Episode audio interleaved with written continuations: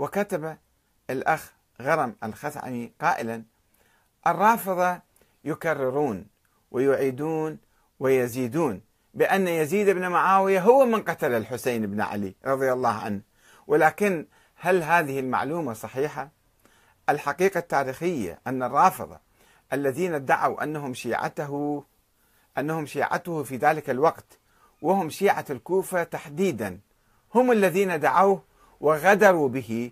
وإليكم المصادر من كتب الرافضة أنفسهم ويأتي بمصادر عديدة فكتبوا إليه. بسم الله الرحمن الرحيم. طبعا هو يسمي مثلا هؤلاء الصحابة والتابعين رافضة ولا يحدد معنى كلمة الرافضة ومتى خرجت ومتى أطلقت وهل كان الشيعة في ذلك اليوم يسمون بالرافضة أو لا. يطلق على أهل الكوفة أنهم رافضة. يعني رؤية مسبقة. فكتبوا إليه بسم الله الرحمن الرحيم. للحسين بن علي عليهم السلام من سليمان بن صرد الخزاعي والمسيب بن نجيبة ورفاعة بن شداد البجلي وحبيب بن مظاهر الأسدي وشيعته المؤمنين والمسلمين من أهل الكوفة. سلام عليك فإنا نحمد إليك الله الذي لا إله إلا هو. أما بعد فالحمد لله الذي قسم عدوك الجبار العنيد الذي انتزع على هذه الأمة فابتزها أمرها. لاحظوا الكلمات هذه. طبعا يمر عليها مرور الكرام ولا يتوقف عندها الأخ غرم. وغصبها فيئها وتأمر عليها بغير رضا منها. ثم قتل خيارها. يقصدون معاوية طبعا هنا. واستبقى شرارها وجعل مال الله دولة بين جبابرتها وأغنيائها. فبعدا له كما بعد الثمود. إنه ليس علينا إمام فأقبل لعل الله أن يجمعنا بك على الحق. والنعمان بن بشير والي يزيد يعني في قصر الإمارة لسنا نجتمع معه في جمعة ولا نخرج معه إلى عيد. ولو قد بلغنا أنك قد أقبلت إلينا أخرجناه حتى نلحقه بالشام إن شاء الله. هذه الرسالة يريدها الأخ غرم على أنها أهل الكوفة هم الذين دعوا الحسين.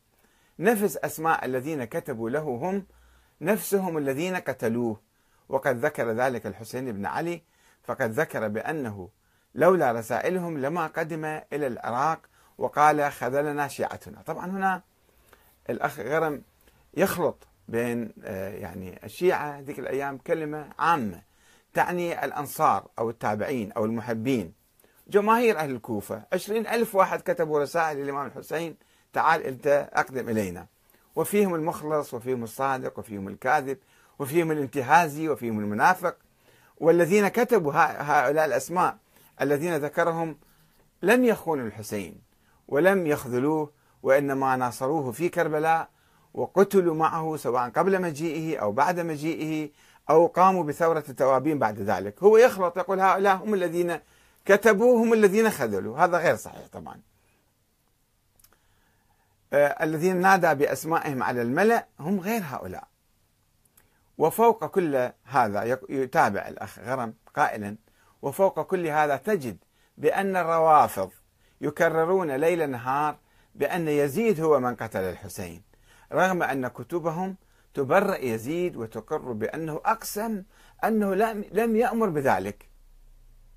أنا لا أريد يتابع الأخ غرم أنا لا أريد أن أتهم أحدا ولا أبرئ أحدا وليس علي حسابهم ولن يسألني ربي عنهم يوم القيامة. سيسألني ربي إذا اتهمت إنسانا ليس له ذنب بريء.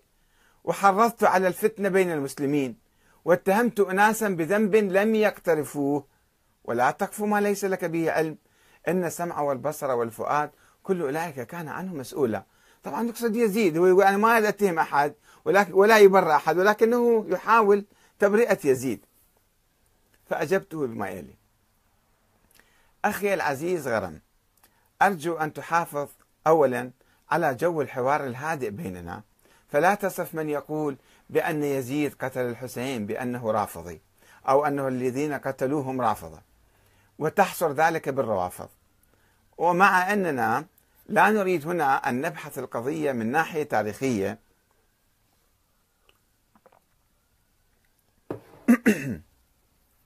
ومع أننا لا نريد هنا أن نبحث القضية من ناحية تاريخية بقدر ما كنا نريد أن نأخذ العبرة منها. فمن الأفضل لك أن تنظر إلى القضية نظرة عامة ولا تتوقف عند بعض القضايا الجزئية. وكما تعلم فقد كتب إلى الإمام الحسين من أهل الكوفة أكثر من عشرين ألف شخص يدعوه إلى القدوم عليهم ويخبروه بأن ليس عليهم إمام بعد وفاة معاوية. وكما في أي حركة اجتماعية أو ثورية يندس فيها المخلص والانتهازي والمنافق.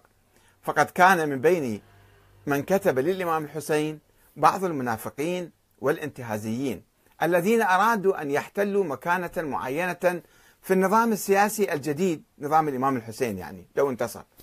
وعندما رأوا المعادلة انقلبت لصالح نظام يزيد انقلبوا على الحسين. وهؤلاء هم الذين خاطبه خاطبهم الحسين في كربلاء بأنهم الذين كتبوا إليه. في حين بقي على الوفاء له كثير من شيعته المخلصين كحبيب بن مظاهر الأسدي الذي قتل بين يديه وهاني بن عروة الذي قتل قبيل مجيئه مع مسلم بن عقيل. واختفى آخرون كسليمان بن الصرد الخزاعي هرب من السلطة يعني الذي قاد فيما بعد حركة التوابين وانتقم من قتلة الحسين. ولذا لا يجوز النظر إلى كل من أطلق عليهم كلمة شيعة بالمعنى الوراثي الثابت. هي صفة متحركة. اليوم يكون شيعة يزيد بكرة يكون شيعة الحسين كما كان الحر بن يزيد الرياحي الذي انضم إلى الحسين في يوم كربلاء في يوم عاشوراء. وهناك من ينقلب من شيعة الحسين إلى شيعة يزيد. وإنما لا بد من النظر إليهم كأنصار فيهم الصادق وفيهم الكاذب وفيهم الانتهازي والمنافق. كما يوجد كذلك في أي حركة اجتماعية. وبالتالي لا يجوز أن نقول أن شيعة الحسين هم الذين قتلوه لأن القتل كان بأمر سلطات يزيد. صحيح أن يزيد كان في الشام ولم يقم بنفسه بقتل الحسين بيده. ولكن واليه في الكوفة وجيشه هو الذي قام بذلك من أجل فرض سلطته على الناس في العراق. ولم يقم يزيد بالاعتراف بحق الأمة في اختيار إمامها. كما لم يحاسب ولاته المجرمين على فعلتهم. ولم يعزلهم.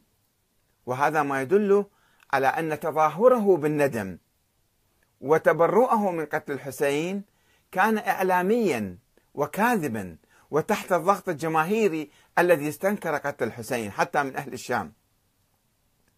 وإنما يؤكد ذلك أيضا هو قيامه بمهاجمة المدينة المنورة الثائرة في العام التالي وقتل عشرة آلاف من الصحابة والتابعين في واقعة الحرة المشهورة.